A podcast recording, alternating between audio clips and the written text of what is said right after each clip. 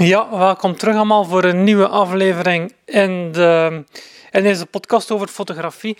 Ik zit opnieuw in mijn leefruimte op te nemen, omdat het plafond daar tot bovenop is. Dan heb je veel beter geluid. Ik gebruik dit keer wel niet mijn Shure microfoon op mijn uh, iPhone gemonteerd, maar zo'n Sony uh, recorder ding van Sony zelf. Wat heet dat? Sony... Uh, wat staat er hierop? IC Recorder ICD UX560. Dus dat is een soort van memo voice recorder dingetje. We zullen zien, maar volgens mij, ik heb dat in het verleden al gebruikt, omdat je daar ook een, ehm, een, een microfoon kunt op aansluiten. En dat is heel compact, heb ik in het verleden al gebruikt om dingen op te nemen als ik onderweg iets wil, uh, iets wil opnemen. Volgens mij ga je wel de vogels buiten horen ook. Want die de deur staat open naar buiten en ik hoor hier allemaal vogels fluiten. Ik ga, het onderwerp van vandaag is de Fujifilm X-S10. Uh, er is, uh, ik heb die in het verleden al besproken. Ik heb die, als die net uitkwam, heb ik die gekocht. Ik denk dat ik toen 1000 euro betaald heb, samen met de 1545 XC-lens van Fujifilm. Maar die lens daarbij, dat was maar een meerprijs van 100 euro. Nu, eerlijk gezegd, vind ik die lens zelf de 100 euro prijs niet waard. Ik zou die zelf persoonlijk nooit kopen. Uh, ik denk dat ik toen in die vorige video's en, en uh, podcastaflevering ook al gesproken heb over het feit dat uh, X16 dus ook, ja, dus, de, wat zijn de, de, grootste, uh, de grootste troeven van die camera? Die heeft de recente Fujifilm sensor. Die heeft ingebouwde stabilisatie, een compact formaat. Dat zijn zo de, de echte troeven. Maar ik ik heb, uh, ik heb tot nu toe heb ik eigenlijk altijd, of bijna altijd, er vooral mee aan het filmen geweest. Want ik had een heel vervelend probleem. Ik had die camera gekocht en ik dacht, ja, ik, ik ga, die, ik ga dat, dat gebruiken in plaats van mijn Fujifilm X-E3. Dus mijn compacte camera voor erbij, waar dat ik mijn X-H1 en mijn X-T2 dan voor het zwaardere werk met de zwaardere lenzen ook gebruik. En uh, daar kwam ik tegen het probleem aan dat ik mijn Lightroom-versie niet kon opbijten naar de laatste Lightroom-versie en dus eigenlijk de RAW-bestanden van die X16 gewoon niet kon uitlezen. Ja, dan spreek ik van mijn computer. Dat was de Mac Pro van 2009 nog, dus op zich een hele oude computer. Met SSD enzovoort werkte die wel heel snel en vlot nog altijd. Maar ik kon niet de, de recente... Ik kon eigenlijk kon ik niet de laatste Mac OS versie installeren. En die had ik nodig voor de laatste Lightroom versie. Daar kwam het op neer, dat was het probleem. Maar ik heb dat recent opgelost door um, een Mac Mini te kopen met die M1 chipset. Dus nu kan ik wel terug... De nu heb ik weer de laatste Mac OS versie en kan ik ook Lightroom updaten. En nu kan ik echt de RAW-bestanden vanuit die uh, X16 uitlezen. Dus kan ik die ook veel meer gebruiken voor fotografie. En dat heb ik ook gedaan de laatste tijd. Ik ben vooral aan het experimenteren geweest of ik die camera. Ja, ik doe eigenlijk twee soorten fotografie, uh, of twee vormen van fotografie doe ik vaak. Aan de ene kant is dat straatfotografie. Dus dat ga ik binnenkort eens proberen met deze camera. Dat heb ik nog niet geprobeerd. En het andere dat ik vaak doe, is uh, gewoon uh, portretten van het gezin. Dus omgevingsportretten van het gezin op wandeling, um, ja, gewoon in, in huis ook zelf. Dus dat soort uh, fotografie is wat ik het meeste beoefen nog. En voor die X16 moet ik zeggen, dat gaat perfect. Het enige wat ik wel zou aanraden, dus wat ik heb uh, gedaan nu, ik heb zo bijvoorbeeld de 23 mm 1.4 lens. Dat is een al iets groter, iets zwaarder lens. En eigenlijk is die al net iets te zwaar voor die... Of ja, nee, met de XE3 zou ik dan echt problemen hebben dat die body begint te kreunen onder het gewicht. Letterlijk dat dat plastic zo niet kraakt, maar toch wel te bewegelijk is om goed te zijn. Dat gebeurt niet bij de X16. Maar gewoon het verschil gewicht is er wel. Dus de, de lens is eigenlijk bijna zwaarder dan de body, waardoor dat je dus een onevenwicht krijgt. En dus zeker met andere 1.4 lenzen, want de 23 is nog een van de compactere 1.4 lenzen, dus eigenlijk komt het er kort gezegd op neer dat de Fujifilm X-S10 beter geschikt is voor de Compact Prime series. En dat zijn dan die, uh, die f2-lenzen. Daarvoor is dat een perfecte combinatie eigenlijk. Dus daar is, dat is wel iets om op te letten als je heel vaak, heel graag fotografeert met die echt grotere, lichtsterke lenzen met dat Coolidge uh, focussysteem. Ja, dan is waarschijnlijk de X-S10 niet de meest geschikte lens of, of camera voor die lens.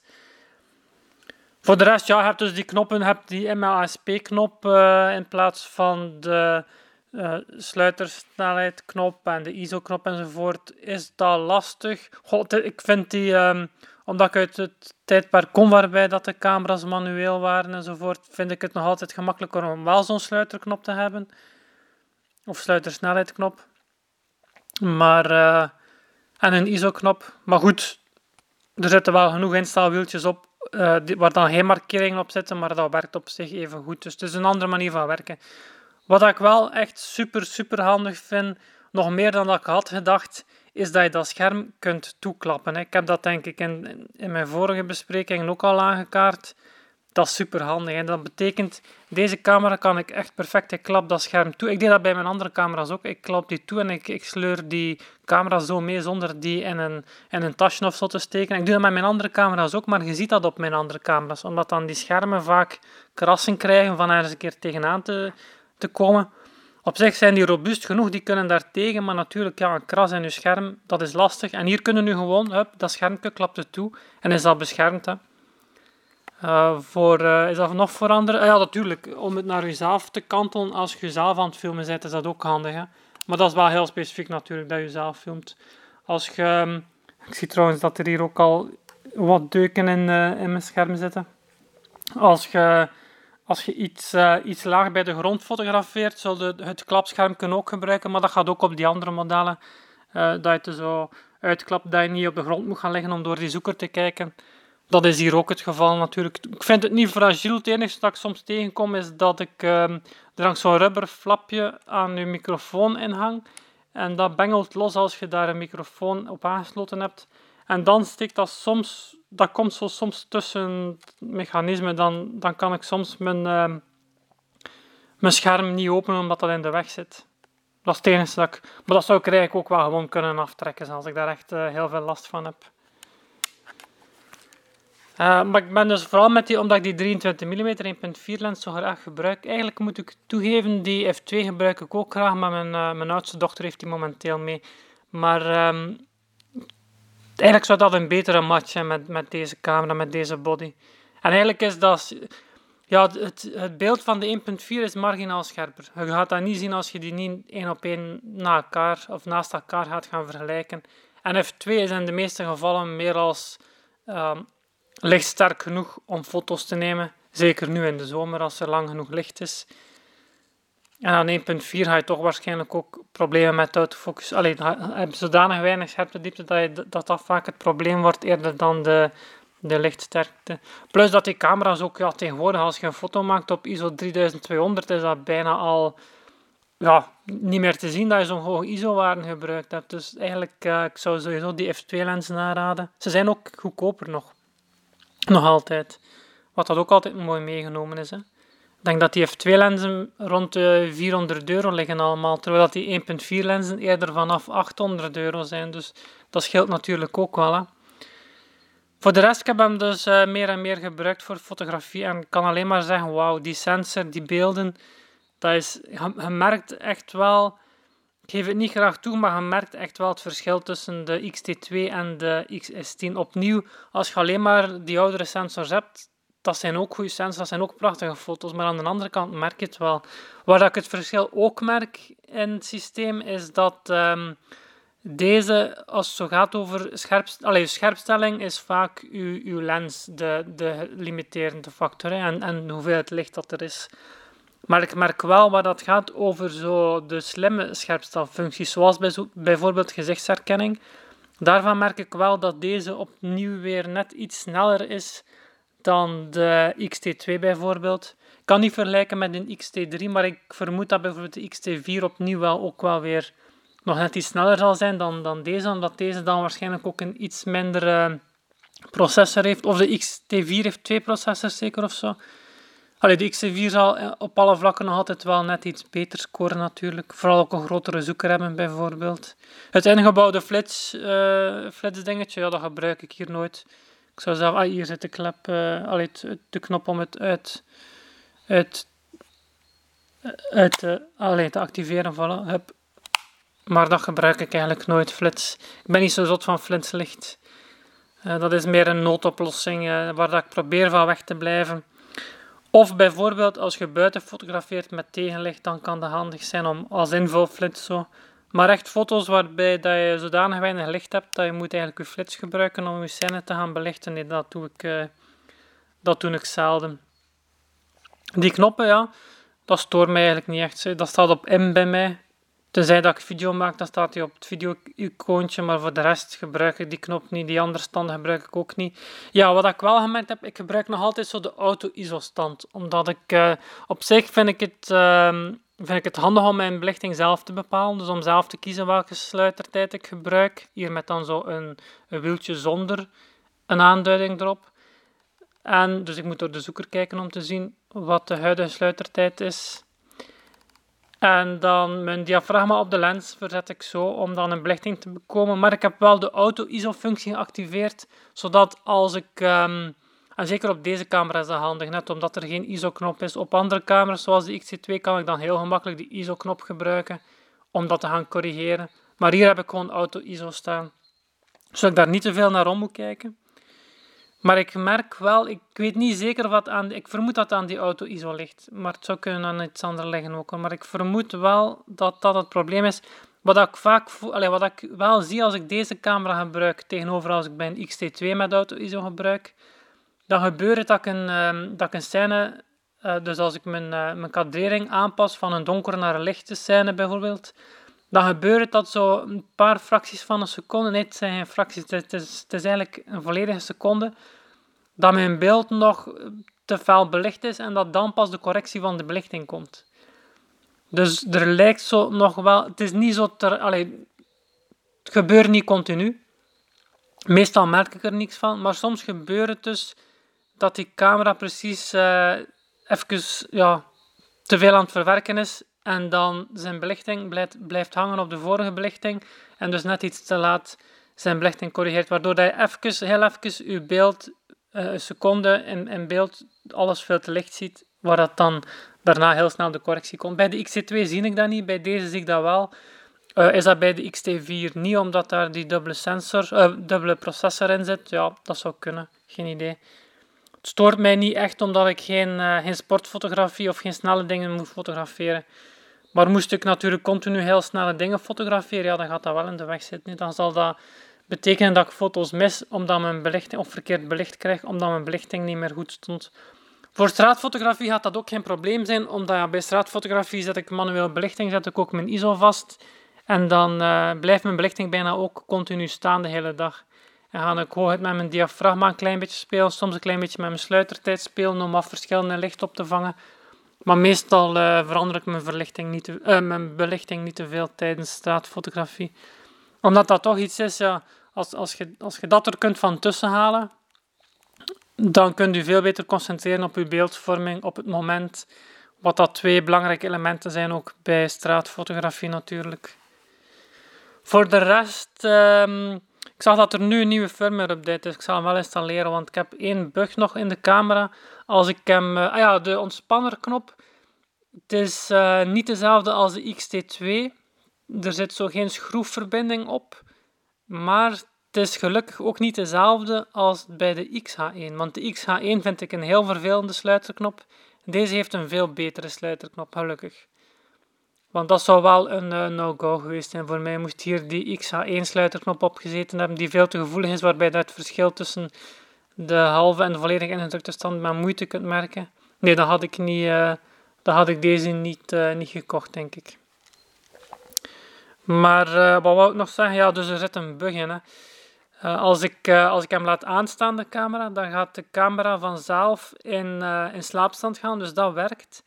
Maar um, mijn XH1 heeft dat niet.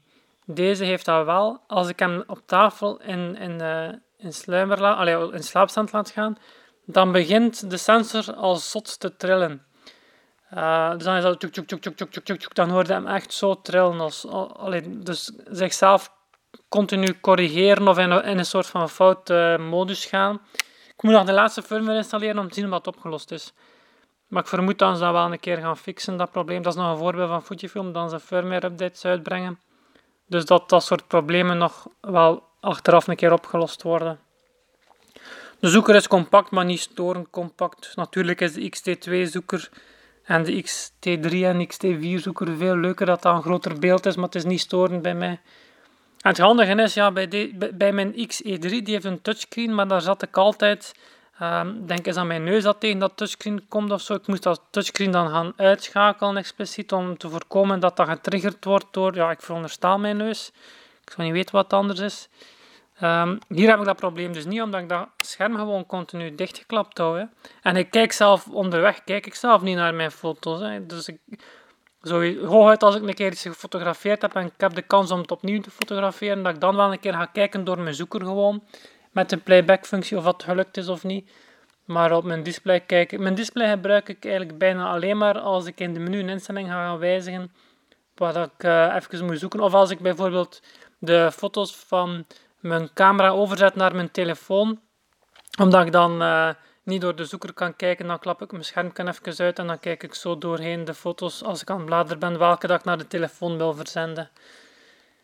Ja, en wat hij bij, dat heb ik bij mijn XH1 wel. Uh, en, en daar heb ik zelf, ik ben daar niet zot van, maar dat is nu zo, omdat daar die stabilisatie in zit. Als je die camera uitschakelt en je beweegt die zo losjes in je hand, Allee, hou hem goed vast alsjeblieft, maar als je hem zo beweegt, dan voel je dat die sensor loshangt. Nu, dat is zo, hè. bij de XH1 is dat ook. Dat is precies wat die sensor zo in, de, in rubberrekkertjes hangt. Maar je voelt dat als je daarmee schudt met die camera. Dat, vind ik, dat heb ik altijd raar gevonden. Dat lijkt me iets fragiel, maar goed, dat zit bij, uh, bij al die uh, hybride, uh, hybride, bij al die, ja, wat zijn dat dan? In-body stabilisatiecamera's, IBIS-systemen. Voor de rest, nee, ik vind, een super, eh, ik vind, vind het formaat super handig. Als je niet te grote lenzen gebruikt, vind ik het formaat van camera super handig. Plus dat je echt wel een goede grip hebt op deze camera. Wat dat bij de XE3 natuurlijk niet het geval was, daar had je geen, uh, geen goede grip op. En de knoppen die erop zitten, ja, ik gebruik die bijna allemaal niet. De play-knop gebruik ik, de ISO-knop gebruik ik. Maar ook niet veel, omdat hem bijna altijd in auto-ISO staat. En dan uh, mijn uh, modusknop zet ik wisselijk tussen. Eigenlijk mochten daar van mij twee modi op staan hebben: de manual en de full modi, modus. Dan was ik ook rondgekomen. Maar die andere knoppen, ja, die gebruik ik. Hè. Ja, de aan-uitknop en de sluitertijd en de sluiter, de ontspannerknop natuurlijk. En dan een van de instelwieltjes gebruik ik voor het instellen van mijn sluitertijd. Dat is het zo'n beetje, denk ik. En die joystick nog om uh, tussen de foto's te bladeren links en rechts. En om een focuspunt te verzetten als het niet uh, op het juiste punt staat. Maar voor de rest, al die andere knoppen mogen. Misschien moeten ze dan een keer doen, zo een camera maken waarbij dat er. Ja, maar nee. Ik ging zeggen veel minder knoppen zitten, maar er gaan altijd men mensen zijn die juist meer knoppen willen ook. Hè. Moesten ze deze camera nu uitbrengen met die sluiterknop en zo, dat zou voor mij de perfecte combinatie zijn. En misschien zelfs zonder dat IBI-systeem, want dat heb ik eigenlijk alleen maar nodig om te filmen, niet om te fotograferen. Maar goed, dat was het dus. Ehm, ik ben ondertussen voor de tweede keer geprikt voor uh, mijn COVID-vaccinatie. Ik wil dat gewoon toch snel even vermelden. Ik ben volledig voor COVID. nee, niet voor COVID, maar voor COVID-vaccinatie. Zo. Uh, ik heb, van mijn eerste prik heb ik, ben ik wel onwel geworden. Ik ben niet flauw gevallen, maar het heeft niet veel gescheeld. Dus ik heb dan advies ingewonnen bij mijn huisarts en uh, die heeft mij aangeraden van uh, dat we gaan een op voorhand te nemen. Nu doe dat niet zonder advies in te winnen bij je huisarts natuurlijk. En uh, bij mijn tweede heb ik eigenlijk ja, een stijve arm achteraf en een klein beetje ziekteverschijnselen ook achteraf. Een beetje hoofdpijn en zo, maar eigenlijk buiten dat eigenlijk totaal niks last niet meer gehad. Dus ik ben voorlopig gevaccineerd. Ik kan op prijs gaan. Het gaat mij voor... Ja, mij is om twee dingen te doen. Eén is gewoon puur de vaccinatie voor mijn eigen gezondheid, voor de veiligheid. Want als je het virus zelf krijgt, zijn de risico's, de risico's groter dan wanneer allee, dan eigenlijk de, de risico's die aan het, vaccin, aan het vaccin zelf verbonden zijn. En dan, uh, wanneer dat vaccin is eigenlijk een soort van afgezwakt virus dat je gespoten krijgt. Hè. Om het oh, ik ken er ook niet alle details van, maar om het gemakkelijk... Ah nee, nee, er zijn verschillende er zijn de MR, mRDNA, of hoe noem het dat, of mDNA dingen, virus en er, uh, vaccinaties en er zijn de afgezwakte virusvaccinaties. Er zijn verschillende, maar in theorie komt het er meestal wel op neer dat je, een, een verzwakt virus krijgt waar dat je lichaam dan antilichamen op maakt. Daarom dat je er ook een beetje ziek van kunt zijn. Maar dat verzwakt virus krijgen, is, het risico daarvan is veel kleiner dan het risico van het uh, krijgen van het echte virus natuurlijk. Hè. Ze spreken al van een, uh, een derde boostprik, waarbij dat, um, ja, dat je dan in feite uh, nog beter bestand bent. Ja, als dat er even goed komt, kans is groot dat ik dat ook neem. Maar deze twee zijn, ze zijn niet verplicht in België, maar het is wel zo dat als je, als je wil op reis gaan, moet je ofwel kunnen voorleggen dat je die twee vaccinaties gekregen hebt, of moet je bij elke grensovergang getest worden, plus ook in quarantaine gaan als je terug thuis komt. En in sommige landen moet je ook in quarantaine gaan als je daar wilt verblijven en niet gewoon op doorreis bent. Maar goed, dat was het voor deze aflevering. Bedankt voor het luisteren opnieuw en graag tot binnenkort. Dus een van de volgende sessies zal waarschijnlijk weer over straatfotografie zijn, maar dit keer waarschijnlijk met de X10, want dat moet ik nog wel een keer proberen. Tot binnenkort.